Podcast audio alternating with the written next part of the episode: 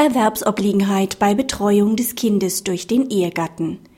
Bietet der zum Trennungs- oder Betreuungsunterhalt nach 1570 BGB verpflichtete Vater ernsthaft die Betreuung des gemeinsamen Kindes an, erhöht dies den Umfang der Erwerbsobliegenheit der Mutter, bei der das Kind seinen Lebensmittelpunkt hat.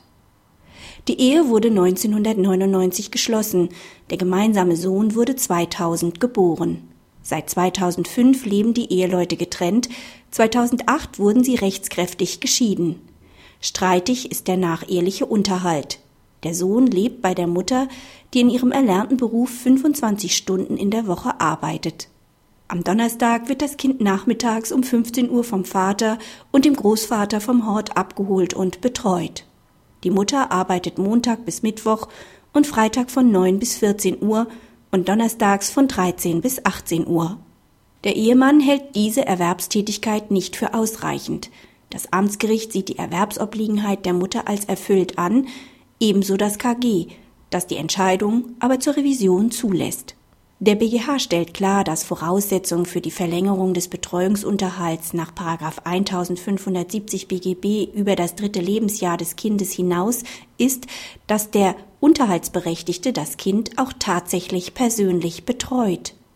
Bietet der Unterhaltspflichtige die Betreuung ernsthaft und zuverlässig an, ist dies in Betracht zu ziehen.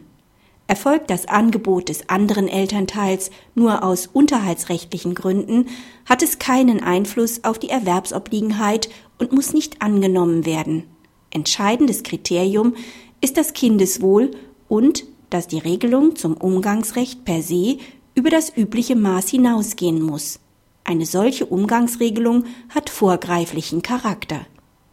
Praxishinweis der BGH berücksichtigt hingegen die Unterstützung durch Großeltern im Rahmen der Billigkeitsabwägung bei 1570 BGB dann nicht, wenn es sich um freiwillige Leistungen handelt, die dem Unterhaltsberechtigten, nicht aber dem pflichtigen Ehegatten zugutekommen sollen